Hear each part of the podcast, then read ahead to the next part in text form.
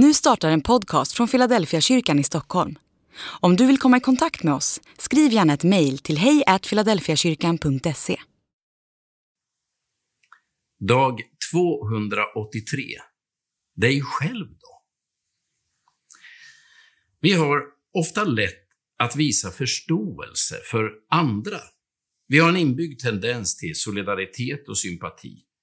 Vi vill försöka förstå hur andra tänker och känner och vi har ganska lätt att se försonande på andra människors problem och svagheter. Men det finns en som vi ofta är fullständigt obarmhärtiga emot. En som vi driver till bristningsgränsen och längre om det behövs. Det finns en som vi inte har någon misskund med och som vi inte ser några försonande omständigheter omkring. Det handlar om oss själva. Det finns ingen som man driver så hårt, kräver så mycket av och har så lite sympati för som sig själv. Idag skulle jag vilja be dig fundera på om du ser dig själv med trädgårdsmästarens ögon eller ägarens ögon.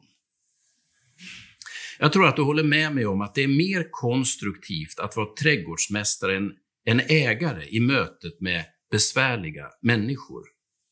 Men hur är det med ditt förhållande till dig själv?